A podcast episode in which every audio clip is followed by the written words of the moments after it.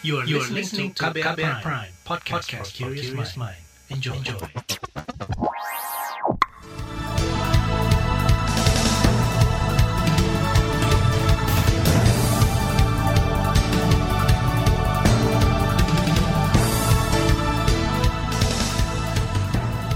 Selamat pagi saudara, senang sekali kami bisa menjumpai Anda kembali melalui program Buletin Pagi edisi Senin 3 Mei 2021 bersama saya Naomi Liandra. Sejumlah informasi pilihan telah kami siapkan di antaranya. Potensi klaster baru COVID-19 di pusat belanja jelang lebaran. Vaksinasi tenaga pendidik ditarget rampung Juni dan pemerintah kota Solo tindak pelaku pungli berkedok sedekah. Terbaru di Buletin Pagi. Jelang Lebaran Pasar Tanah Abang, Jakarta dibanjiri ribuan warga yang ingin berbelanja. Pengunjung yang membludak menciptakan kerumunan yang bisa memicu klaster baru COVID-19. Kondisi ini mendapat sorotan publik lewat unggahan video di media sosial tentang keriuhan Tanah Abang. Gubernur DKI Jakarta Anies Baswedan lantas bereaksi. Bersama jajaran Forum Koordinasi Pimpinan Daerah, Anies meninjau Pasar Tanah Abang dan menggelar rapat tertutup.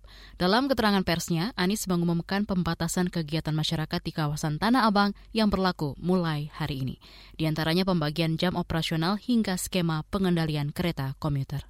Jadi mulai sore ini pasar akan ditutup dengan dibagi. Ada yang tutup jam 4 dan ada yang tutup jam 5 untuk menghindari keluar bersamaan dan kemudian menuju pada titik yang hampir sama karena hari kemarin yang menggunakan kereta api sekitar 45 ribu. Jadi hampir separuh dari mereka yang datang di kawasan ini menggunakan kereta api. Jadi sore hari ini pun pengendalian akan dilakukan di kawasan pasar maupun di kawasan sekitar stasiun. Gubernur DKI Jakarta Anies Baswedan menambahkan jumlah pengunjung Tanah Abang mencapai 100 ribu orang atau tiga kali lipat dari hari biasa. Untuk itu perlu diberlakukan skema pengendalian termasuk dengan menerjunkan 2.500 aparat gabungan. Sementara itu, Direktur Utama Perumda Pasar Jaya Arif Nasruddin berjanji segera mengevaluasi pengawasan di Pasar Tanah Abang. Dalam rilis tertulisnya, Arif mengatakan akan mengatur ulang teknis pengawasan protokol kesehatan. Ia memastikan tidak ada tawar-menawar dalam kedisiplinan prokes. Meski begitu, Arif menegaskan tidak ada larangan berbelanja, tetapi bakal ada penindakan bagi pengunjung maupun pedagang yang melanggar prokes. Adapun PT KAI juga akan memperlakukan pembatasan layanan kereta rel listrik atau KRL. Mulai hari ini, KAI tidak akan melayani naik turunnya penumpang di stasiun Tanah Abang pada pukul 3 sore hingga 7 malam. VP Corporate Secretary KAI Komuter Ane Purba menyebut kebijakan ini untuk mencegah terjadinya kerumunan. Lonjakan pengunjung juga terlihat di banyak pusat perbelanjaan di berbagai daerah seperti Bandung dan Makassar. Namun Asosiasi Pengelola Pusat Belanja Indonesia APPBI mengklaim telah melakukan berbagai pembatasan. Menurut Dewan Pembina APBBI, Handaka Santosa, aturan protokol kesehatan sudah ketat diberlakukan. Uh, memang kita saat ini kan sudah menerapkan untuk sekitar 50% dari kapasitas kan. Nah itu yang terus diawasin gitu. Karena kami para pengelola mall dan juga retail di dalamnya nggak ingin sampai terjadi sesuatu. Jadi bukan hanya lonjakan customer ya, di uh, operasional intern karyawan pulang pun kami, kami juga sudah uh, sangat ketat menerapkannya, sangat disiplin. Dewan Pembina APPBI Handaka Santoso menuturkan jelang lebaran pengunjung memang meningkat 30 hingga 50 persen dari hari biasa. Menurutnya lonjakan tersebut adalah imbas larangan mudik sehingga masyarakat memilih untuk menghabiskan waktu dengan berbelanja. Munculnya kerumunan di banyak pusat perbelanjaan juga mendapat sorotan dari Ketua Satgas Penanganan COVID-19, Doni Monardo. Ia meminta kepala daerah dapat memitigasi potensi munculnya klaster baru mulai ramainya pusat-pusat perbelanjaan di sejumlah kota-kota besar. Tolong ini diantisipasi, jangan sampai ini nanti akan menjadi klaster baru. Karena kita lihat terutama di Jakarta, pusat perbelanjaan penuh. Ketua Satgas COVID-19 Doni Monardo juga meminta TNI Polri mendukung upaya pemerintah dalam menekan sebaran virus corona. Ketua Umum Ikatan Ahli Kesehatan Masyarakat IAKMI Ede Surya Darmawan memperingatkan potensi lonjakan kasus COVID-19 jika pemerintah tak mampu mengatur masyarakat. Ede mengatakan fasilitas kesehatan harus sudah siap ketika terjadi ledakan kasus. Siap-siap saja eh, berbagai fasilitas isolasi dan juga rumah sakit kalau ada ledakan kasus gitu ya. Kita tidak mengharapkan itu, tetapi kesiapan itu dilakukan ya cukup sudah pengalaman India yang akhirnya kekurangan segala macam ya dari mulai kekurangan tempat tidur, kekurangan oksigen, kekurangan obat sampai terakhir kekurangan krematorium kan begitu. Nah kita tidak ingin itu terjadi. Ketua Umum IAKMI Ede Surya juga meminta masyarakat lebih mementingkan kesehatan dibanding kebutuhan sekunder. Kata dia, masyarakat bisa berbelanja lewat daring guna mencegah kerumunan. Ede juga menegaskan pemerintah memperbanyak pengetesan dan pelacakan guna mempermudah pengendalian. Vaksinasi untuk tenaga pendidik ditarget rampung bulan depan. Informasinya akan hadir usai jeda. Tetaplah di Buletin Pagi KBR. You're listening to KBR Pride, podcast for curious mind. Enjoy!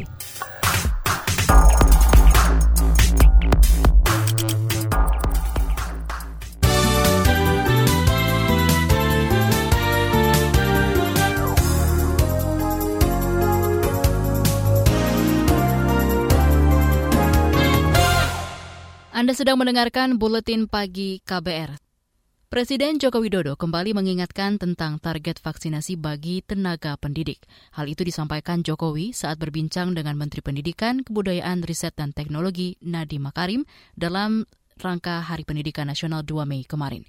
Jokowi ingin seluruh pengajar divaksin sebelum pembelajaran tatap muka dimulai. Akhir Juni itu vaksinasi untuk pendidik dan tenaga kependidikan harus sudah selesai. Karena nanti di tatap muka terbatasnya di bulan Juli kan. Iya, sebenarnya Pak, tatap mukanya udah bisa mulai jalan kalau sudah divaksin. Harapannya itu Juli hampir semuanya okay. sudah ada opsi tatap muka. Hmm. Jadi insya Allah bisa lebih cepat lagi Pak beberapa sekolahnya. Perintah ini direspon oleh Mendikbud Ristek Nadiem Makarim. Kata dia, pembelajaran tatap muka wajib digelar oleh sekolah. Namun hal itu hanya berlaku untuk siswa yang diizinkan orang tuanya kembali ke sekolah. Bagi mereka yang tidak diperbolehkan bisa tetap belajar dengan metode daring.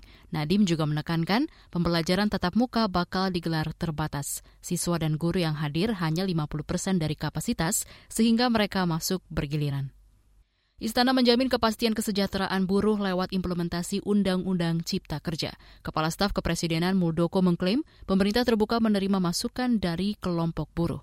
Hal ini disampaikan Muldoko saat bertemu dengan perwakilan buruh dalam rangka peringatan Hari Buruh 1 Mei. KSP juga punya tugas untuk melakukan pengawalan atas Undang-Undang Cipta Kerja bagaimana mengimplementasikan di lapangan. Kita akan mengawal dengan baik, sehingga nanti apabila terjadi sesuatu di lapangan, kita bisa berkomunikasi dengan para serikat pekerja untuk kelancarannya semua. Itu hal yang uh, kita apresiasi atas uh, kegiatan hari ini. Kepala Staf Kepresidenan Muldoko berjanji akan mengakomodasi keluhan-keluhan buruh terkait kesejahteraan. Salah satu bentuknya dengan menindak tegas perusahaan yang tidak memberi tunjangan hari raya tepat waktu. Direktur Utama PT Kimia Farma Diagnostika Adil Fadila Bulkini telah diperiksa Polda Sumatera Utara terkait kasus alat rapid tes antigen bekas di Bandara Kuala Namu, Medan. Juru bicara Polda Sumut, Hadi Wahyudi mengatakan, hingga kini sudah 23 saksi yang dimintai keterangan. Lima orang yaitu petugas medis yang ada di Bandara Kuala Namu, kemudian 15 orang itu petugas petugas yang ada di Kimia Parma Jalan Kartini Medan, kemudian dua orang dari pihak Angkasa Pura Solusi dan satu orang Direktur Kimia Parma Diagnostik. Itu yang sudah kita mintai keterangan. Juru bicara Polda Sumut Hadi Wahyudi menambahkan penyidik masih mendalami perkara dan tidak menutup kemungkinan bakal ada tersangka baru. Dalam perkara ini, polisi sudah menetapkan lima tersangka, yakni ex-manajer bisnis Kimia Farma Medan berinisial PM dan empat bawahannya. Kelompok milenial didorong untuk berwirausaha ketimbang kerja kantoran. Dorongan itu disampaikan Menteri Koperasi dan UKM Teten Masduki. Kata dia, tingkat kewirausahaan Indonesia ini paling rendah dibanding dengan negara-negara ASEAN. Nah, saat ini kewirausahaan di Indonesia masih sangat rendah 3,47 persen. Ya ini kalau dibandingkan dengan Thailand sudah 4,26 persen, Malaysia sudah 4,74 persen, Singapura sudah 8,76 persen. Sementara rata-rata di negara maju jumlah wirausaha sudah mencapai 14 Menteri Koperasi dan UKM Teten Masduki menambahkan kelompok usia produktif Indonesia saat ini mencapai hampir 70 persen. Namun jumlah itu tak sebanding dengan lapangan kerja yang tersedia. Karenanya minat wirausaha harus terus digenjot melalui berbagai insentif, di antaranya pelatihan dan pinjaman modal usaha dengan bunga ringan. Kita ke mancanegara. Sedikitnya lima warga sipil tewas dalam aksi kekerasan yang dilakukan junta militer Myanmar pada minggu waktu setempat. Dilansir dari Reuters, aparat melepaskan tembakan ke arah demonstran yang terus berunjuk rasa menentang kudeta. Kebutuhan militer hingga kini telah menewaskan tak kurang dari 750 orang. Selain itu, kudeta juga mengakibatkan warga di perbatasan mengungsi seiring meningkatnya ketegangan antara pemberontak dengan militer. Kelompok misi Al-Qaeda mengklaim perangnya dengan Amerika Serikat masih jauh dari kata selesai meski Presiden Joe Biden resmi menarik pasukan dari Afghanistan. Dikutip dari CNN, analis terorisme Paul Kruskek berpandangan Al-Qaeda diuntungkan dengan keputusan Biden. Namun mereka diduga ingin mengalihkan perhatian publik tentang kerugian yang dialami baru-baru ini. Itu sebabnya Al-Qaeda memberikan respon resmi, padahal sebelumnya mereka jarang memberikan tangkapan. Sebelumnya, Joe Biden menargetkan penarikan pasukan paling lambat pada 11 September 2021 atau tepat 20 tahun serangan teror di Menara Kembar World Trade Center di New York. Kita ke berita olahraga. Laga Manchester United kontra Liverpool di Stadion Old Trafford pada pekan ke-34 Liga Inggris batal digelar. Keputusan ini merupakan buntut dari protes massal dari pendukung Manchester United. Mereka tidak puas dengan kepemilikan klub di bawah keluarga Glazer. Premier League selaku penyelenggara menyebut pembatalan dilakukan karena ada pelanggaran keamanan, ditambah lagi dengan situasi pandemi COVID-19. Di pertandingan lain, Tottenham Hotspur menang telak 4-0 atas Sheffield United. Bermain di kandang sendiri, bintang Spurs Gareth Bell menjadi bintang lapangan dengan mengemas tiga gol. Laporan khas KBR bertajuk kisah WNI di India dikepung tsunami COVID-19 akan kami hadirkan sesaat lagi. Tetaplah di Buletin Pagi KBR. You're listening to KBR Pride, podcast for curious mind. Enjoy!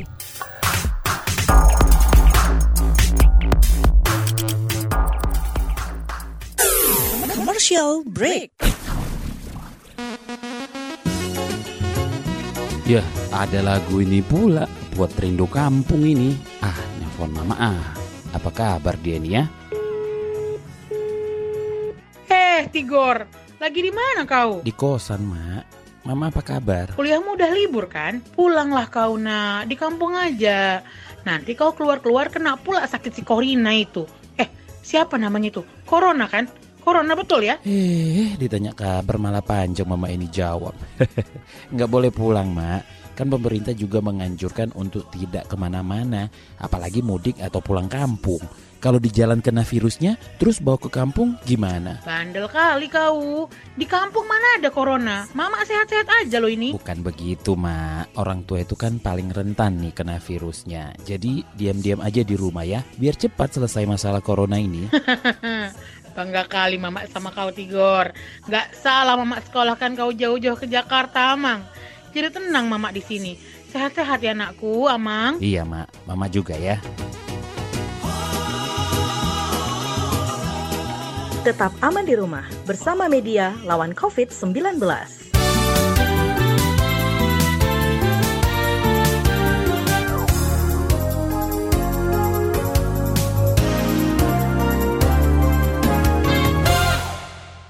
India menjadi sorotan dunia karena mengalami gelombang kedua COVID-19. Kasus harian di negara itu sudah menembus 400 ribu kasus. Rumah sakit dan fasilitas kesehatan kewalahan menangani serbuan pasien baru. Tercatat puluhan WNI yang bermukim di sana juga terinfeksi virus corona. Salah satunya Ahmad Daniel, mahasiswa asal Salatiga. Simak kisahnya yang disusun tim KBR. Karena teman-teman saya itu, maksudnya teman-teman India ya, teman-teman kampus itu tiap hari nyari ada yang nyari oksigen, terus ada yang minta tolong bed untuk orang tuanya, untuk tantenya, untuk kakeknya itu. Teman-teman saya banyak yang uh, positif. Ahmad Daniel menceritakan suasana krisis di India yang tengah diterpa gelombang kedua kasus COVID-19. Mahasiswa Indonesia yang bermukim di New Delhi ini membenarkan penguncian atau lockdown kembali diterapkan mulai akhir April. Lonjakan kasus di sana sudah menembus 350 ribu per hari. Di gerbang gang saya itu kemarin-kemarin dibuka sekarang udah ditutup lagi kayak lockdown awal. Jadi ya itu pertanda oh ini lockdown. Cuman per state punya kewenangan untuk membuat kebijakan sendiri-sendiri. Kayak di Delhi ini ada jam malamnya kalau nggak salah jam 10 sampai jam 7 pagi. Dan juga pergerakan di luarnya dibatasi hanya untuk membeli kebutuhan dan medis itu tadi. Tsunami COVID-19 di India juga disebabkan munculnya varian baru virus corona. Puluhan WNI di sana ikut terinfeksi, salah satunya Daniel. Ia menjalani isolasi mandiri karena termasuk pasien tak bergejala. Menurut saya apa saja sih, karena satu mobil dengan orang yang positif dalam waktu yang lama dan di ruangan ber-AC. Ya itu mau tidak mau menurut saya kan dikena, makanya saya langsung itu bisa menularkan lebih cepat 20%. Cuman saya kemarin habis baca berita juga, Menteri Kesehatannya bilang kalau Covaxin itu yang vaksin dari India, namanya Covaxin, itu bisa juga menetralkan mutasi corona yang baru ini. Selain itu, kata Daniel, warga India juga terlalu cepat puas karena saya juga mengikuti perkembangan teman-teman saya dari grup. Jadi mereka kayak terlalu membanggakan. Cuman dosen saya selalu mengingatkan bahwa jangan terlalu bangga karena kita ada potensi untuk gelombang kedua dan sekarang terjadi. Jadi teman-teman saya tuh selalu mau share yang jaya India gitu gitulah kalau diartikan terlalu pede akhirnya menjadikan banyak lonjakan kasus ini. Seiring pelonggaran mobilitas, protokol kesehatan pun banyak dilanggar. Saya sempat ke stasiun kereta ngantar teman saya ya udah kayak gak ada corona gitu. Ya orang-orang pakai masker, ya ada beberapa yang enggak, tapi karena di stasiun jadi pakai masker semua. Itu tapi physical distancing itu seperti udah nggak ada itu. Betul, ada ritual KFN Hindu itu saya lupa namanya itu yang menjadikan lonjakan kasus tinggi di sungai sungai apa gitu itu mereka pada ma kayak mandi gitu di situ kan jadi dan nggak ada yang pakai masker nggak ada physical distancing di situ lonjakan kasusnya tinggi. Meski dikepung situasi sulit, Daniel tak berniat pulang ke Indonesia. Mahasiswa Amity University ini optimis gelombang kedua kasus COVID di India bisa terlewati. Banyak negara yang memberikan dosis vaksin ke India dan juga bantuan oksigen. Terus produksi oksigen dipercepat dan dan juga banyak bed-bed rumah sakit yang ditambah. Banyak program bed di rumah, maksudnya rumah sakit memberikan oksigen di rumah jadi dibawakan dari rumah sakit ke rumah itu. Daniel berharap Indonesia tidak mengulang kesalahan India. Pemuda asal Salatiga ini mendukung mudik dilarang untuk menekan potensi penularan. Kalau menurut saya hanya tiga hal. Yang pertama, atui protokol kesehatan. Yang kedua, mobilitasnya dikurangi. Yang ke yang ketiga, berdoa. Itu doa semuanya segera kembali normal. Larangan mudik sudah ditegaskan Presiden Joko Widodo dan akan diberlakukan pada 6 hingga 17 Mei mendatang. Namun Jokowi mencatat masih ada 19 juta orang yang bakal nekat mudik.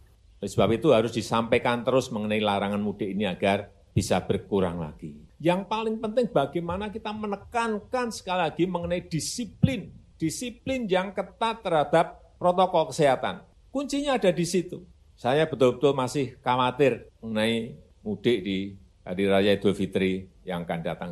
Itu sebab Jokowi meminta kepala daerah ikut mengedukasi warga agar mengurungkan rencana mudik, apalagi data menunjukkan kasus selalu meningkat pada masa liburan.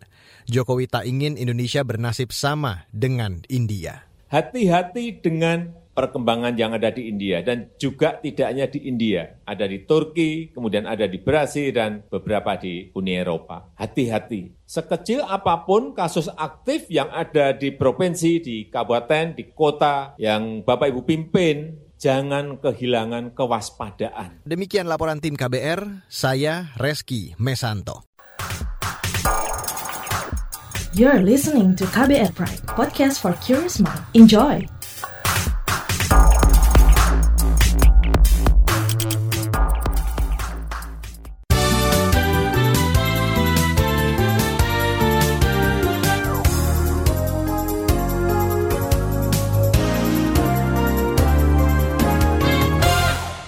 Inilah bagian akhir buletin pagi KBR.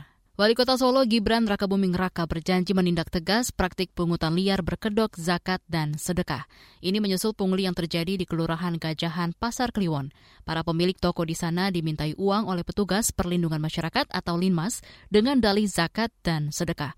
Petugas membawa surat yang ditandatangani lurah Gajahan. Belakangan lurah tersebut diberhentikan. Kalau udah udah udah ada satu yang seperti ini, nanti biasanya kelurahan lain akan bersuara. Jangan harap lurah-lurah, camat-camat punya mindset seperti ini. Kita tuh pelayan publik, harusnya tidak seperti ini. Di suratnya itu tercantum zakat, sodakoh, fitroh. Nggak boleh. Yang boleh cuma basnas. Itu sudah menyalahi aturan. Lurah ikut tanda tangan, itu makin salah. Wali Kota Solo Gibran Rakebuming Raka kemarin mendatangi Gajahan dan berkeliling mengembalikan uang pungli. Ada 145 pemilik toko yang menjadi korban dengan besaran pungli berkisar Rp50.000 dan Rp100.000. Jumlah total pungli mencapai 11,5 juta rupiah. Warga yang hendak melintasi perbatasan Aceh dan Sumatera Utara harus mengantongi rapid test antigen dengan hasil negatif. Kebijakan ini berlaku selama tiga hari, mulai hari ini hingga Rabu mendatang. Kepala Bagian Operasi Polres Aceh Tamiang Abdul Muin memastikan kendaraan yang melintas akan diperiksa ketat. Kalau emang nggak ada surat dari bebas antigen itu simpang kanan turun kita di lantai. Artinya kalau belum melakukan rapid test antigen mereka tidak dibenarkan masuk gitu ya? Mau masuk, uh, masuk dan keluar dari mau mau ke Medan maupun dari Medan ke, ke Aceh. Kabak Operasi Polres Aceh Tamiang Abdul Mui memastikan larangan mudik akan berlaku 6 hingga 17 Mei mendatang. Seluruh titik di perbatasan bakal ditutup total sehingga pemudik dari Aceh dan Sumatera Utara tidak bisa melintas. Namun ada pengecualian untuk angkutan barang dan kondisi darurat seperti orang sakit. Fasilitas deteksi dini COVID-19 dengan Ginos tersedia di dua titik di Pelabuhan Ketapang, Banyuwangi, Jawa Timur. Pembagian layanan tersebut untuk mencegah antrian panjang kendaraan.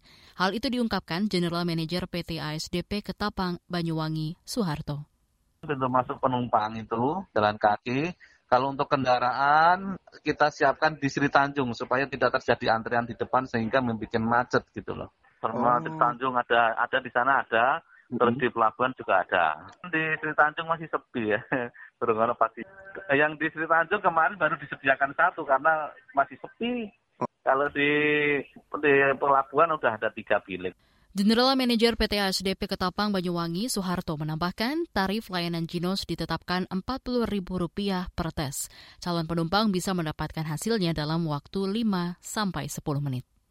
Informasi tadi menutup jumpa kita di Buletin Pagi hari ini. Pantau juga informasi terbaru melalui kabar baru, situs kbr.id, Twitter kami di akun @beritaKBR, serta podcast di alamat kbrprime.id.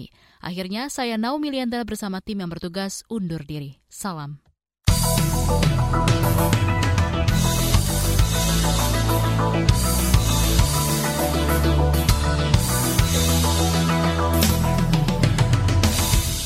KBR Prime, cara asik mendengar berita. KBR Prime, podcast for curious mind.